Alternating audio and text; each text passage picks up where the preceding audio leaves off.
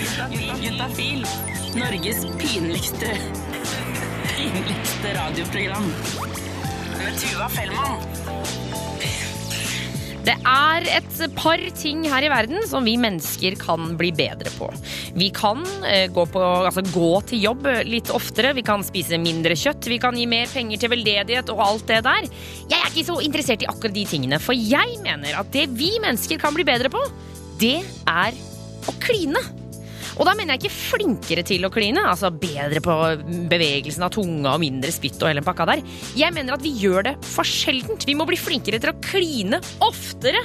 Fordi, eh, altså, jeg føler at vi gjør det litt for lite. Enten fordi at man kanskje ikke har en naturlig person å kline med, eller så har man en kjæreste, men da er det på en måte ofte sex. At liksom, man har liksom ikke bare kyssinga. Eh, og jeg syns at vi burde gjøre det. Vi burde kysse, og så ikke noe mer enn det. Altså, Av og til skal man jo ha sex også, men vi må fokusere på sjølve klininga. Så hvis du sitter sammen med en som du kanskje er litt småkeen på, så er det jo lov å spørre. Skal vi kline litt? Men vær nå forberedt på at du kan få et nei. Men jeg har lært at det er lov å prøve seg. Og dere kjærestepar, alle dere kjærestepar som sitter her ute nå. Tre minutter med klining er det dere får i oppgave. Tre gode minutter med bare kyssing, ikke over i sex. Bare teste, sjekk hvordan det går. Altså, det er en, eh, en oppfordring fra meg eh, og til dere som sitter nå. For det er familierelasjoner eh, mellom dere, så, så anbefaler vi ikke klining. eh, Men da vil jeg også si at jeg vet ikke om Juntafil er et familieprogram. Altså, jeg er ikke helt sikker på om det er her dere skal være, selv om jeg syns jo det er veldig hyggelig, og jeg tror det er godt å høre på Norges pinligste radioprogram selv i familier, for det er bra å bli litt flau. Hvis du skulle sitte og ha noen spørsmål om sex, kropp og følelser, eh, noen spørsmål som du kanskje ikke tør å stille til noen andre, så kan du stille det til oss. 1987, kodeord juntafil. Send det inn nå med en eneste gang. Ikke vær flau, ikke hold tilbake, bare fyr løs om akkurat det du lurer på. 1987, kodeord juntafil.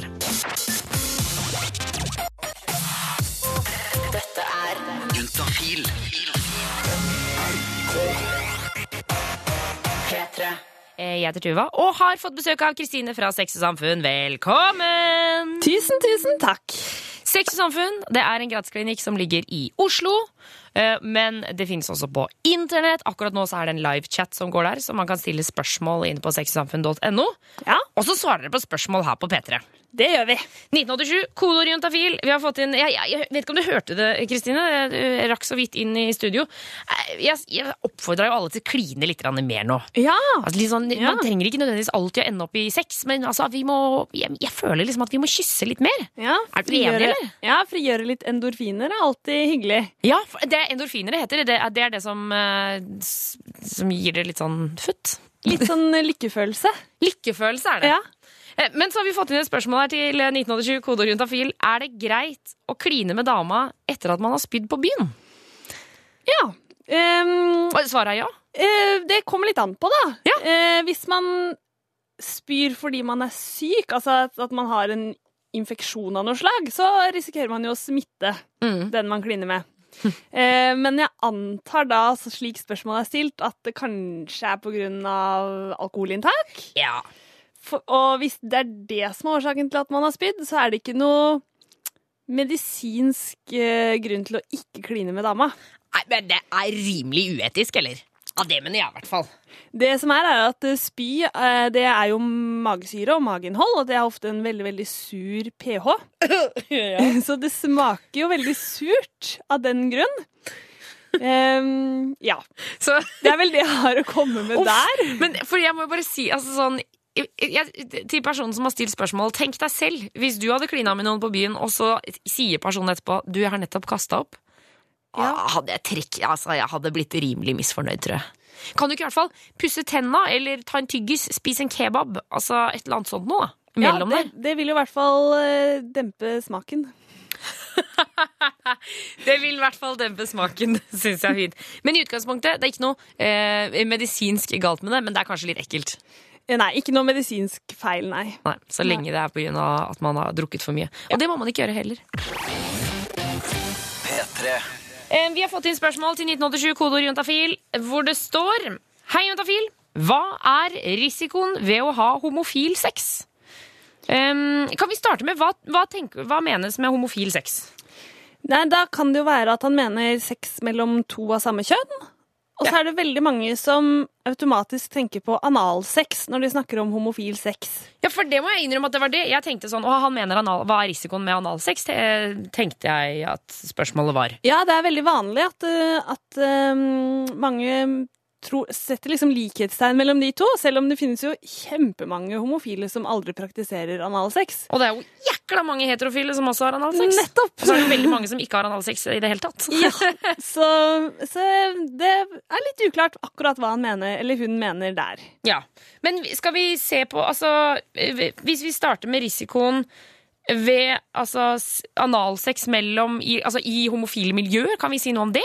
Ja, for vi i gruppen menn som har sex med menn, som vi omtaler det som, da, fordi vi, vi beskriver det på seksuell praksis og ikke hvilken legning man tilegner seg. Ja, For man trenger ikke nødvendigvis å være homofil hvis du har sex med en mann. Nettopp. Mm. Um, så er det i den gruppen, da, menn som har sex med menn-gruppen, så er det noen kjønnssykdommer som er mye vanligere enn blant uh, sex mellom mann og kvinne. Oi, Hvilke da? For eksempel gonoré. Gonoré. Gonoré, Ok. eh, syflis. Syflis. Jeg trodde det døde med Ibsen. Ja, nei, dessverre. Eh, og hiv, som veldig mange kjenner til, da. Ja, og så det, er- så vi, altså, det er jo eh, seriøse greier, dette her. Eh, ja, det er det, og derfor er vi syns vi det er veldig fint hvis man bruker kondom, fordi det beskytter man seg med alle disse her. Mm.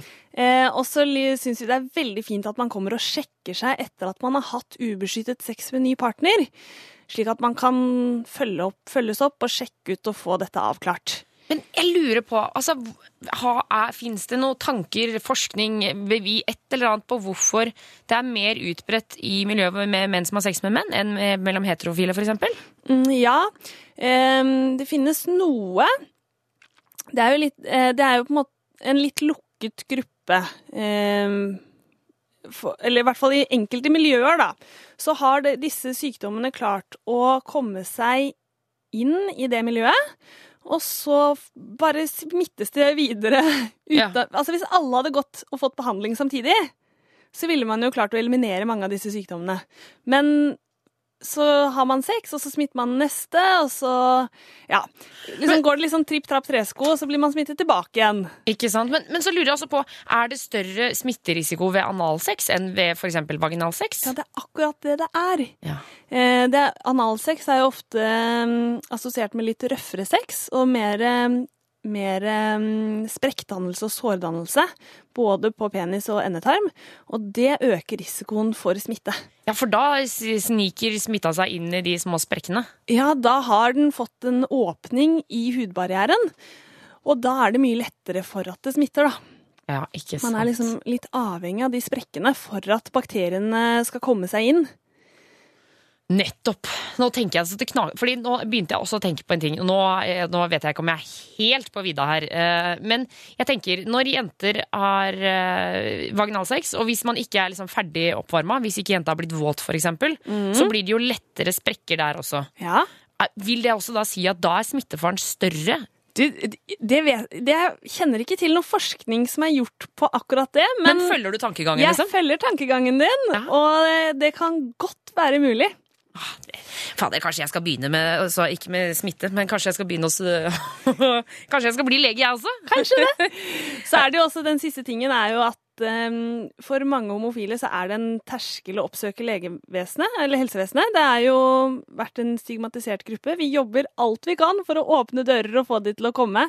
Eh, Og veldig mange kommer og sjekker seg, men det kan jo også være en grunn til at eh, det er mer sykdom i akkurat den gruppen, da. Kanskje. Så vi sier, eh, kjære alle sammen, bruk kondom og gå og sjekk deg når du har hatt ubeskytta sex. Og det er både når du er homofil, og når du er heterofil, og når du er bifil. Alle sammen. Gå og sjekk deg uansett. Uansett. Uansett. 1987, kodeord juntafil. Hvis du har et spørsmål, send det av gårde, så skal vi gjøre alt vi kan for å svare på det. Norges pinligste radioprogram Juntafil. med Tuva Fellmann. P3. Sara Larsson i samarbeid med MNEK and Never Forget You. Og Sara Larsson flippa jo ut et aldri så lita bilde av brøstvorta mm, her om dagen på Instagram. Og det har jo selvfølgelig eh, gitt en mange likes, og mange Ja, etterligninger av bildet og alt sånt. Det er veldig fint, det bildet. Altså. Du burde sjekke det ut. Jeg anbefaler det på det sterkeste. Eh, Vi har fortsatt med oss Kristine fra Sex og Samfunn. Eh, Er du klar for å svare på spørsmål, Kristine? Ja. Oi, nå spiste jeg mine på. egne ord her, hørte jeg. Skal vi se, spis, spis, spis, spis. Skal vi se. Det er en jente 25 eh, som har sendt inn.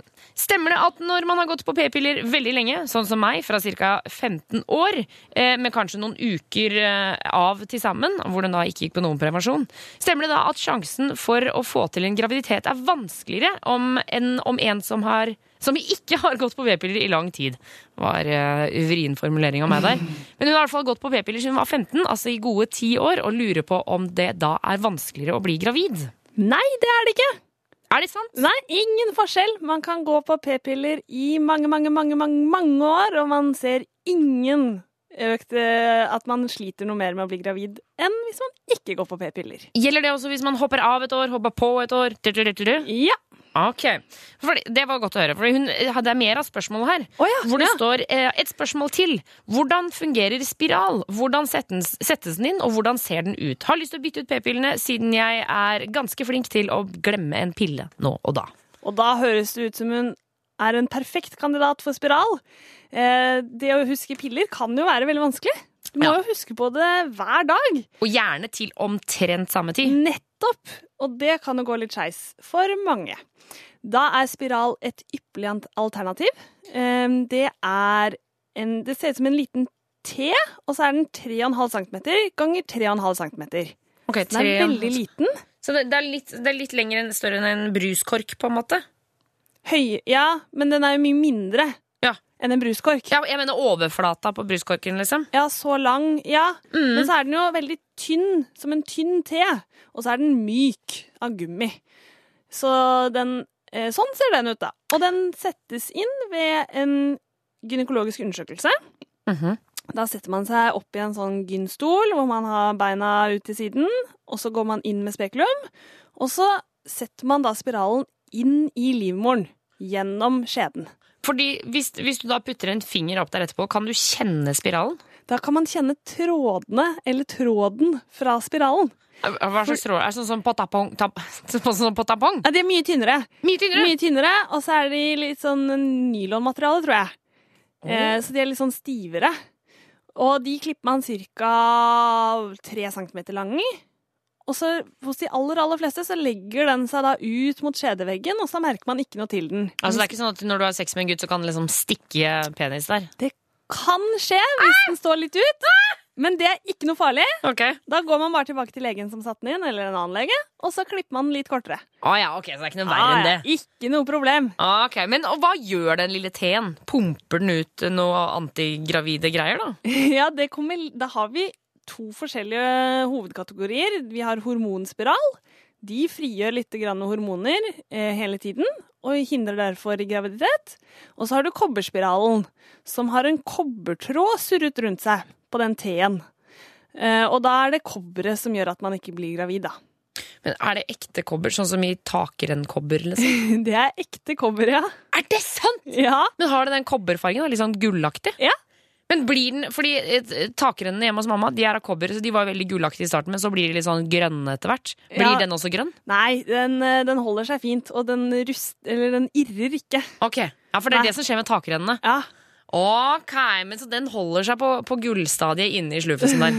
Den holder seg fin og virker, uh, virker lenge, og man slipper å tenke på det. Man slipper å måtte huske noe hver eneste dag. Et siste spørsmål. Jeg har hørt at det er uh, egentlig, altså at det i utgangspunktet bare er gravide damer som kan få spiral. Ja, eller du har sikkert hørt at uh, kvinner som har født, kan få spiral. Ja, jeg mener fødte. Ja, det er en sånn seigliva myte som vi jobber alt vi kan for å få bukt med, for det stemmer ikke. Ok. Nei. Alle kan, alle kan få spiral. Så lenge man får, kommer til en lege, så får man satt inn det. Da sier vi at eh, til Jente25 det kan hende at spiral er noe for deg, altså.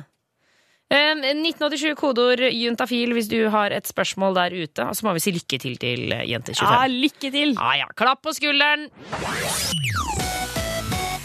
P3. Vi skal nå tilbake til Linn, som vi har fulgt gjennom en hel graviditet her i Juntafil. Vi har hørt om hvordan det, kan, eh, det å være gravid kan påvirke sexlysten, hva som skjer med kroppen, og hvor grusomt det egentlig er å ha bekkenløsning. Og nå, eh, når Linn skulle føde, så skulle jo egentlig Juntafil få være med på hele sulamitten, men helt mot slutten av svangerskapet så viste det seg at det ikke ble mulig. For i stedet for en helt vanlig fødsel, som Linn så for seg, så måtte hun føde sin datter med keisersnitt. Og det ble en ganske annerledes opplevelse for både mor og far. Nei, altså jeg, jeg får ikke lov til å se på selve snittet, så jeg må sitte med, med, med Linn. da. Hun er vågen, hun var vågen, for du får sånn en spinalbedøvelse inn i, i ryggen. Så hun kjenner jo ingenting, men hun er vågen underveis. Dette her, det er Svein Atle. Han er mannen til Linn, som er på sykehuset og akkurat har fått sitt fjerde barn. Men i motsetning til de tidligere fødslene, så har Linn denne gangen ikke født vaginalt, men tatt keisersnitt. Og for Svein Atle, som tidligere har fulgt med på kona si mens hun har veer og presser i timevis, så blei dette en ganske annerledes opplevelse. Han forteller om et digert team med to barneleger, en gynekolog, en lege i spesialisering, en anestesilege og en skokk med sykepleiere. Og en fødsel som gikk sykt fort. Men hun hadde fått bedøvelsen, og da jeg begynte, så gikk det to-tre minutter, så var ungen ute. Så det er helt sinnssykt hvor fort det går. Det står han der eh, anestesilegen står og ser på. Han står rett på sida av oss. Han sier nå, nå foretar de snittet. Og så skjer det, og så gjennom litt forskjellige lag. Og så var det bare å suge ut fostervannet, og så ta ut ungen. Det gikk sikkert to-tre minutter, så var hun ute. Og det man liksom pleier å se på film, det er jo at mora så vidt rekker å føde barnet før hun får det på brystet, og der blir det liggende. Men sånn ble det ikke for Linn og Svein Atle denne gangen. Da ble jo den ungen først tatt ut en, eh, en sjekk. Med en gang var en barnelege og sånn siden hun var liten. Sjekka at alt var i orden der, og det var det. Så da var det bare inn en kjapp tur til mor, sånn at hun fikk hilse på ungen. Så da ble det noen timer som jeg eh, hadde med ungen sammen med personal her, selvfølgelig. Altså Vi fikk et sånn ekstra liten uh, stund helt fra begynnelsen av, jeg og dattera. Og det bråket du hører litt sånn i bakgrunnen når Svein Atle snakker nå, det er den nybakte mammaen Linn som kommer inn med ei lita tulle i armene sine. Jenny hun veier bare 2256 gram og er fortsatt litt sånn rødaktig i fjeset. Men hun er helt frisk, selv om Linn måtte ta keisersnittet før det som var planlagt fordi Jenny fikk for lite næring inni magen.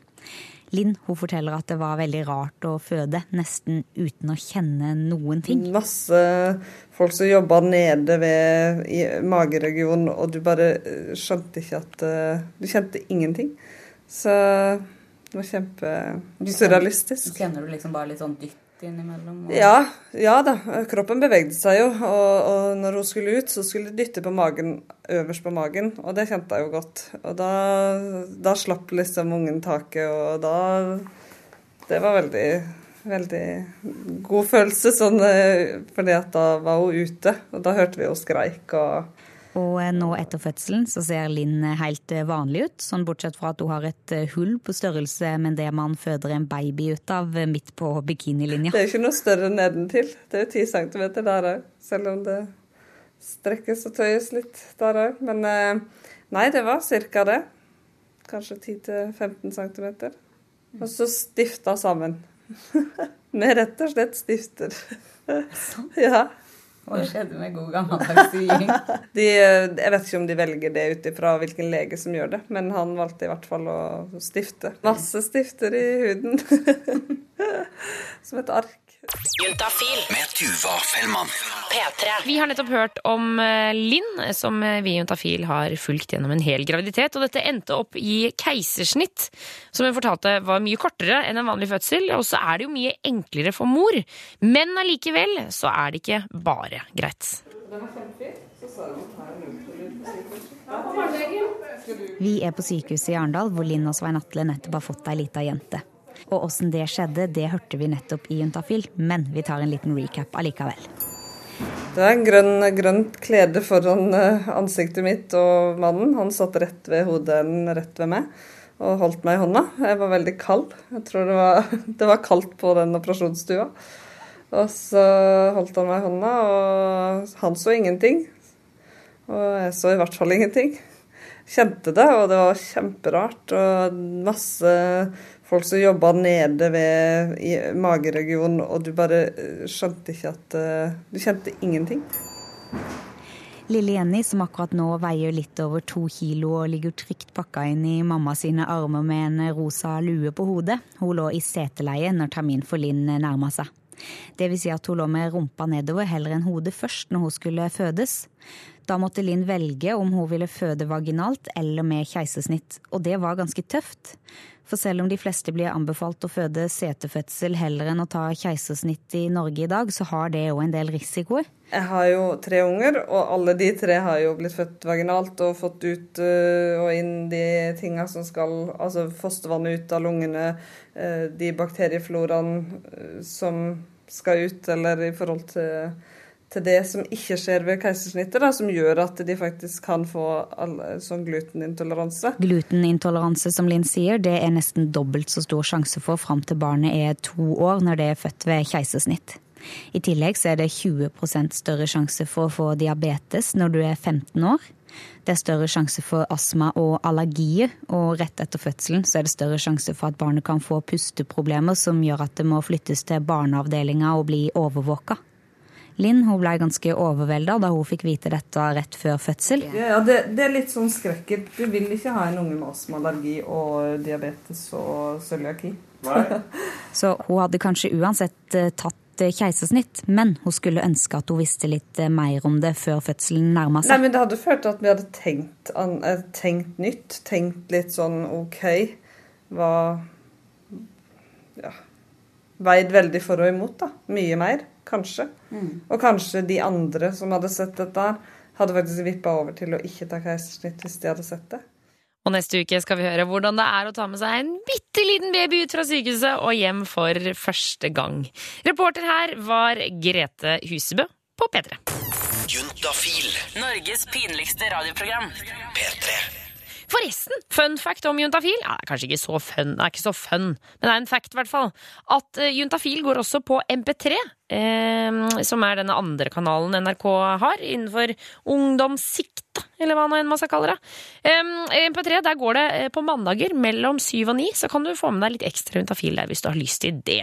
Eller kanskje du har en eh, lillesøster eller en lillebror eller et barn for den saks skyld som du tenker sånn er liksom ikke helt i fistingland, eh, så kanskje de kan høre på MP3. Der er det mer mensen og sånne ting, da.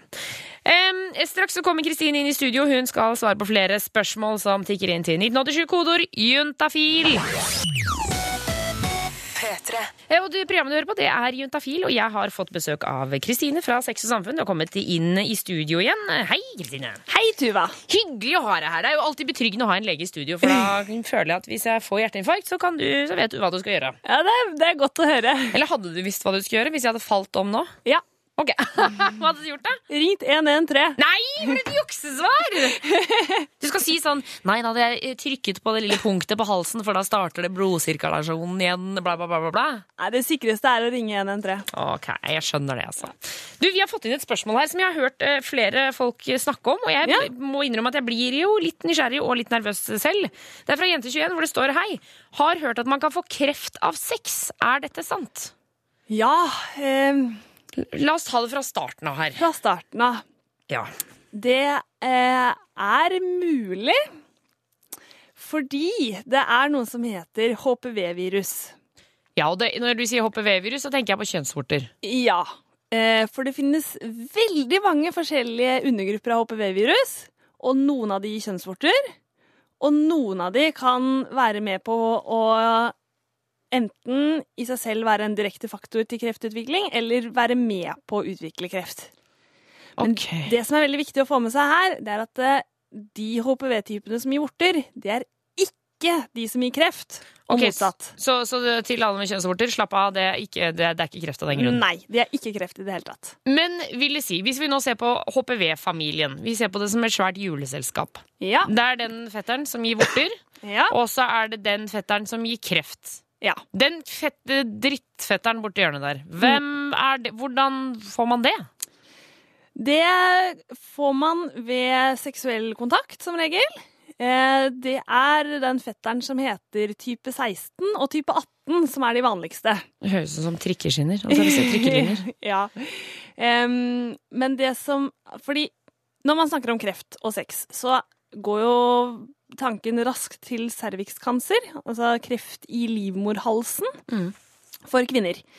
Og der vet vi at det HPV-viruset det er en nødvendig faktor for å utvikle kreft. Så hvis man ikke er i kontakt med de HPV-virustypene som gir kreft, så kan man ikke få den cervixkanseren. Eller liv, eh, kreft i livmorhalsen, da. Ok, så vi må ha HPV-viruset. Ja, Yes. 16 og 18-fetteren. I cervixkancer, altså i livmorhalskreft, så må man ha det. Men hvor ofte altså, Fordi jeg får jo litt angst her. Herregud, vi må jo pushe kondomer mye hardere enn det vi gjør hvis man kan få kreft. Ja, Men- for hvis man bruker kondom riktig, altså bruker du under hele samleiet, så beskytter det veldig, veldig godt mot dette. Men hvor ofte skjer dette her? Altså, hvor vanlig er 16 og 18? De, eh, man, dette er jo grunnen til at man har dette screeningprogrammet for kvinner mellom 25 og 69 år.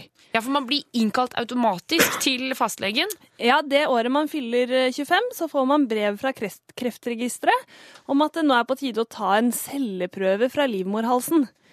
Og det er på tanke med eh, kreft i livmorhalsen, da. Og det har det vært mye i media, eh, i media nå i det siste, for det har vært sånn Sjekk deg-kampanje, tror jeg det het, hvor det var noen kvinnelige kjendiser i det nye eller noe sånt som sto fram og sa at de hadde noen sånne små forandringer. Mm. At de hadde vært og sjekka seg. Okay. Um, så det er derfor man bruker det screeningprogrammet. Og der er det en haug av sånne inndelinger som man deler inn disse forskjellige typene av celleforandringer. Og derfor er det mange som får beskjed om at vi så at det var litt forandring, men det er ikke kreft, men det kan bli kreft, og derfor må du ta ny prøve sånn og slik, eller du må komme og ta biopsi eller vevsprøve, og fram og tilbake. Ok, nå får jeg, nå får jeg mer angst. ja, men det som, det som er viktig å få frem, er at uh, vi tar inn til kontroll og behandler mange lenge før det har blitt noe kreft. Ok, så det er Man er ikke føre var.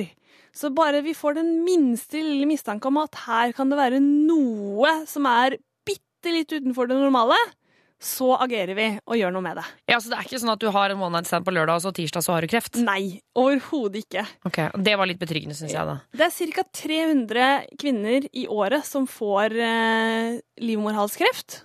Og det også er, av de 300 så er det 70 som dør av det i året. Oi. Så det er ganske hyppig. eh, og det alvorlig, kan være ganske alvorlig hvis man først har fått en fulminant, altså ordentlig kreft. Mm.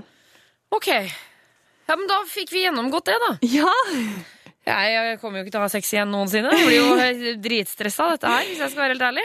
Men så lenge man følger screeningprogrammet, så tar man da en sånn celleprøve hvert tredje år, så er man godt Da blir man fulgt nøye opp og sjekka ofte.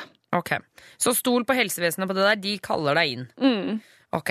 Eh, Tusen takk for svaret, Kristine. Eh, 1987 kodeord P3 hvis du der ute har flere spørsmål. Eh, kan være om noe helt annet, så lenge det er innafor sex, kropp og følelser. 1987 kodeord juntafil. Vi har fått inn SMS her til 1987 kodeord juntafil. Eh, Den er litt eh, lang, så jeg skal bare trekke pusten før jeg begynner. Hei, juntafil. Jeg er en jente på 22 år og har hatt tre sexpartnere. Jeg har et spørsmål. Hvordan vet man at man har fått orgasme av sex? Jeg tror nemlig ikke jeg har fått orgasme av å ha sex. Jeg bruker vibrator når jeg er singel, og da får jeg kjempegod orgasme. Jeg lurer bare på om dere har noen tips til hvordan jeg kan oppnå orgasme ved sex med partnere. Hilsen en som ikke får orgasme så lett. Og det er så mange som er i samme båt som eh, denne jenta her. Ja, det er det, altså. Dette, sp- dette spørsmålet får vi ofte. Ja, dette kommer ofte inn. Det Men gjør det. Kan jeg si, jente 22, grattis med å få orgasme når du er aleine. Ja, kjempebra. Bra jobba. Ja, topp, topp, topp. For det er det ikke alle som eh, greier å få til heller. Nei, det er ikke det. Eh, og så tenker jeg, når du spør om hvordan man vet at man har fått orgasme, da går jeg for den 'det kjenner du'. Det, det er jo ikke sånn at en orgasme når man gjør, får det ved onani, er noe annerledes enn orgasme ved samleie.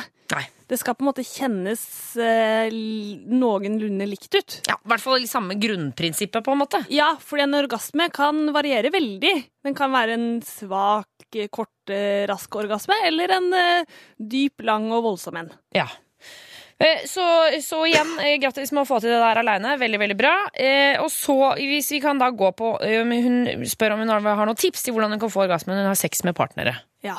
Og hun har jo, det første tipset jeg pleier å gi, er å finne ut hvordan du selv får orgasme. Og det har hun jo funnet ut. Check. Check. Veldig bra. Og så overfør dette til gutten. Ja, nettopp. Da vet du hva som kan fungere for deg. Em, og da kan man jo prøve å gjøre det når man har sex også.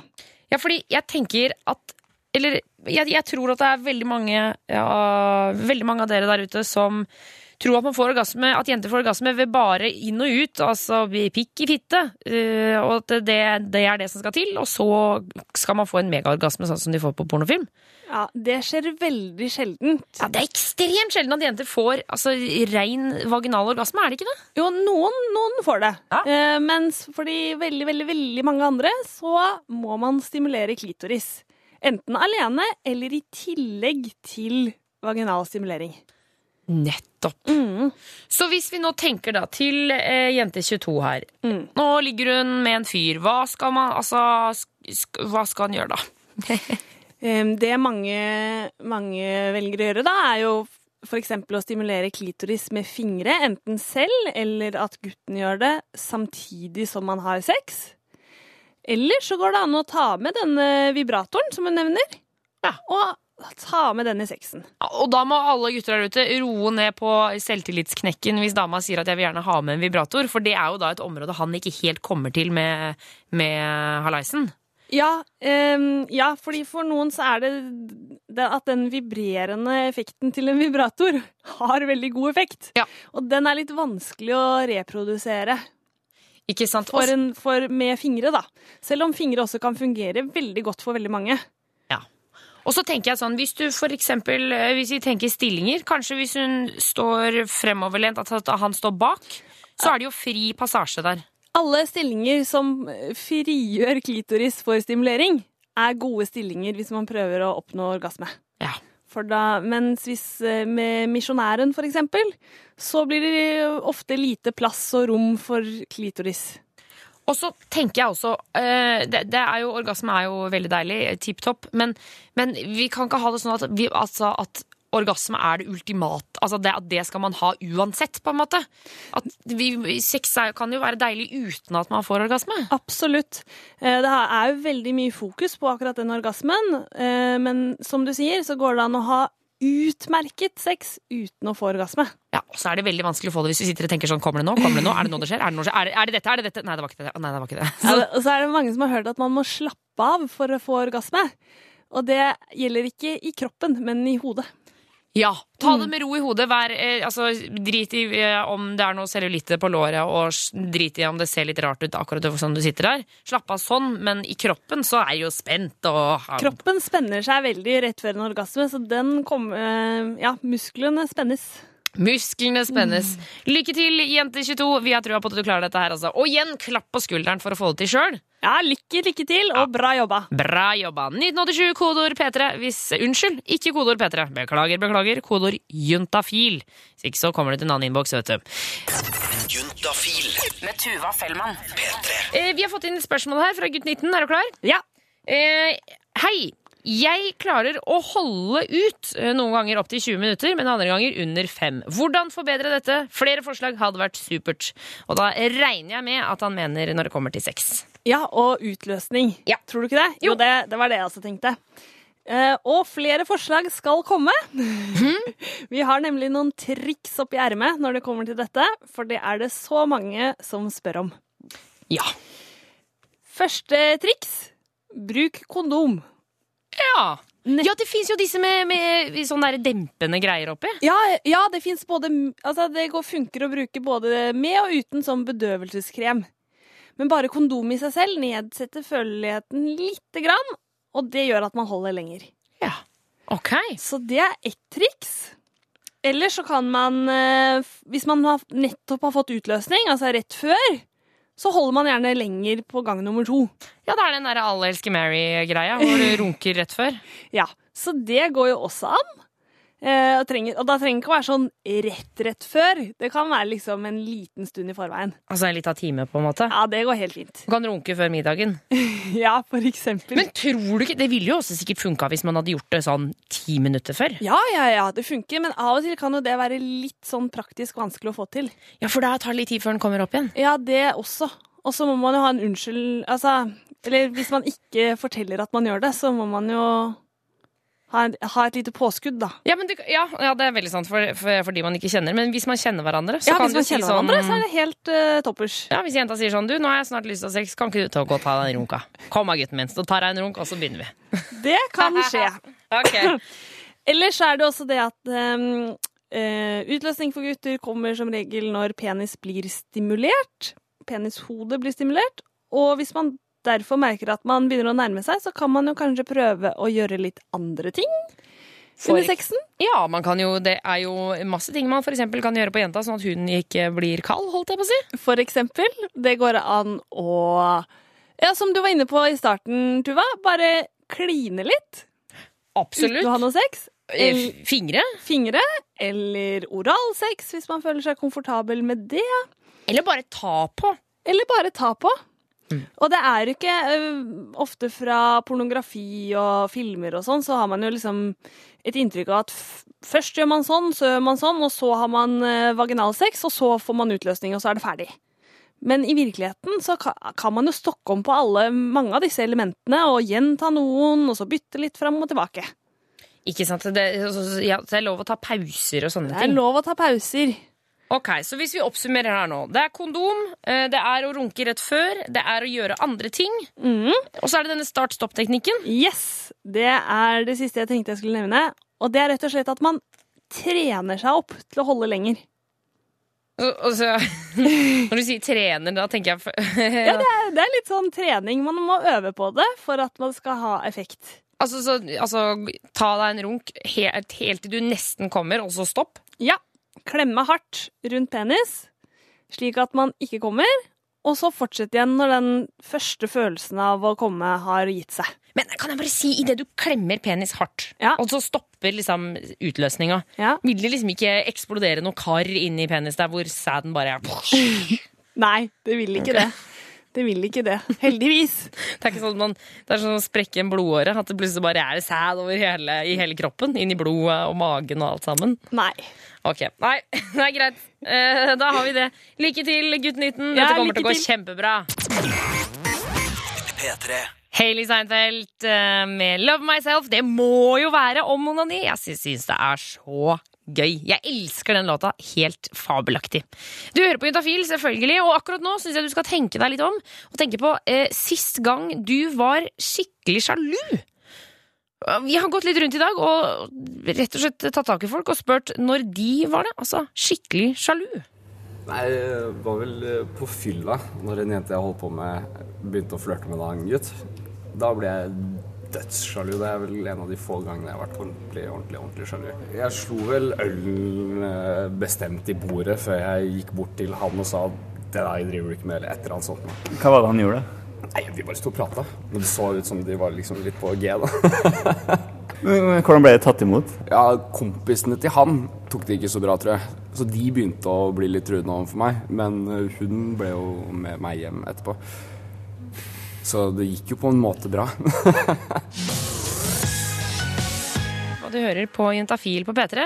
Og det er klart at vi er jo veldig glad i å følge med på når det forskes på sex, kropp og følelser. Altså Uansett så blir vi nesten litt sånn Det blir en euforisk stemning i redaksjonslokalet. Og nå har det kommet en ny studie som eh, prøver å finne ut av hva som gjør folk sjalu. Og det vil jo selvfølgelig vi også finne ut av. Det var en gang jeg var på kafé og skulle møte vennene til, til han som da var kjæresten min. Så følte jeg det ble sånn konkurranse med en venninne av han da. Og så jeg følte at jeg måtte bevise et eller annet. Kjempeteit. De aller, aller fleste har følt på det å være skikkelig sjalu. Jeg hadde en eh, ekskjæreste, og så var jeg veldig klar over eh, eksen hennes igjen. da. Og han drev med sånn, så han drev og likte profilbildene hennes. Det var liksom ikke mer det som skulle til da. Og liksom allerede var litt usikker dritsjalu, ikke sant. Men det kan være vanskelig å vite hva man egentlig skal gjøre med sjalusien. Skal man egentlig ta det opp? Nei, det blir jo litt teit, da. Eksen likte profilbilder. Liksom, driver dere på igjen? En amerikansk studie viser at det er forskjell på hva menn og kvinner blir sjalu for. Ifølge dem blir kvinner mer sjalu av følelsesmessige grunner, som hvem kjæresten prater med, mens menn blir sjalu av seksuelle handlinger. Hvis bare sånn, Du kan kysse meg ingenting. Men hvis du blir litt sånn connecta med dem, da, da og er liksom kysse og har det bra, da er det ille. Men et kyss er liksom bare et kyss. Men han var helt uenig. Han var sånn her Nei, et kyss er helt forferdelig, det er helt grusomt, det er utroskap. Det var en diskusjon vi hadde. For du ville kysse noen på fest, da? eller? Russetida, klart. Han var veldig full Han bare Kan jeg få kysse en annen person på fest? Og da ble han kjempesur.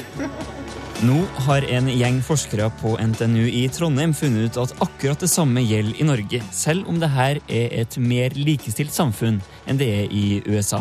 Også i Norge blir kvinner mest sjalu av det emosjonelle, og menn pga. sexen. Jeg har vært på den andre siden av det. Var på byen, eh, begynte å flørte litt, drakk eh, og endte opp eh, i samme seng. Uten at det, det var helt greit, fordi jeg visste jo at hun hadde kjæreste. Men jeg vet jo at de er, fortsatt er sammen. da. Og hun fortalte meg jo at forholdet ikke gikk så bra i utgangspunktet. Så kan hende du fiksa forholdet. jeg veit ikke. Jeg tror det.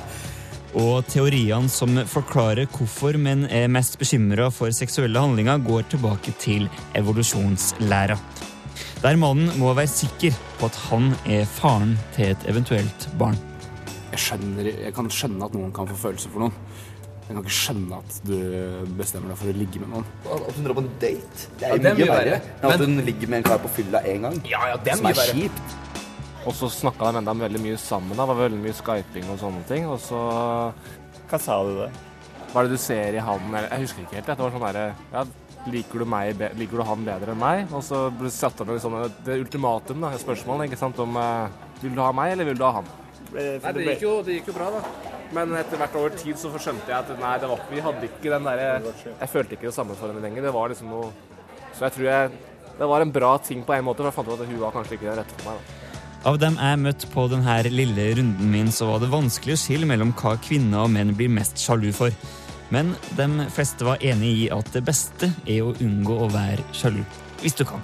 Han er sånn eh, Det var en kompis av oss som kom og kyssa meg på muren.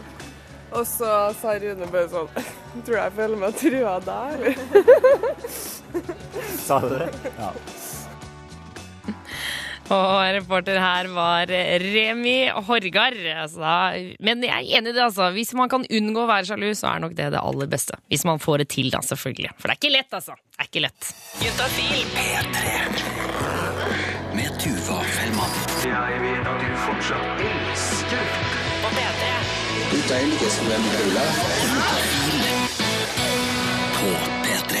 Eh, og Juntafil nærmer seg slutten. Eh, vi har fortsatt med oss Kristine fra Sex og Samfunn.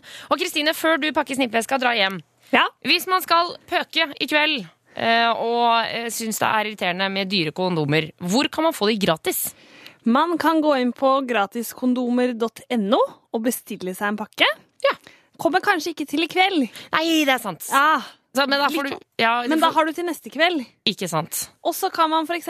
dra på helsestasjon for ungdom. Der er gir de også ofte ut gratis kondomer. Ja, og det er jo noen av de som er oppe på kveldinga der, så hvis du er rask på labben, så kan det hende at du rekker det. Ja. Skal vi også si at eh, de fem første som sender en mail til juntafil, krøllalfa, nrk.no, skal også få kondomer i posten. Da må vi ha med navn og adresse, og så skal vi sende det til posten til deg til de fem første. Så må være kjapp. Strålende. Um, takk for i dag, Kristine. Jo, takk for i dag, Tuva. Eh, Hvis eh, du som har sendt inn SMS eh, ikke har fått eh, svar, så kan jeg betrygge deg med at du kan stikke inn på sexysamfunn.no. Der er det en chat som du kan gå inn på, og der kan du stille spørsmål, og det kan man gjøre hver mandag til torsdag. Holdt jeg på å si hver eneste dag, men mandag til torsdag. Det er Mandag til nesten hver dag. Fram til klokka åtte. Ja. Tusen takk eh, for at du kom innom, Kristine. Jo, tusen takk for at jeg fikk komme. Juntafil med Tuva Fellmann. Norges pinligste radioprogram. P3.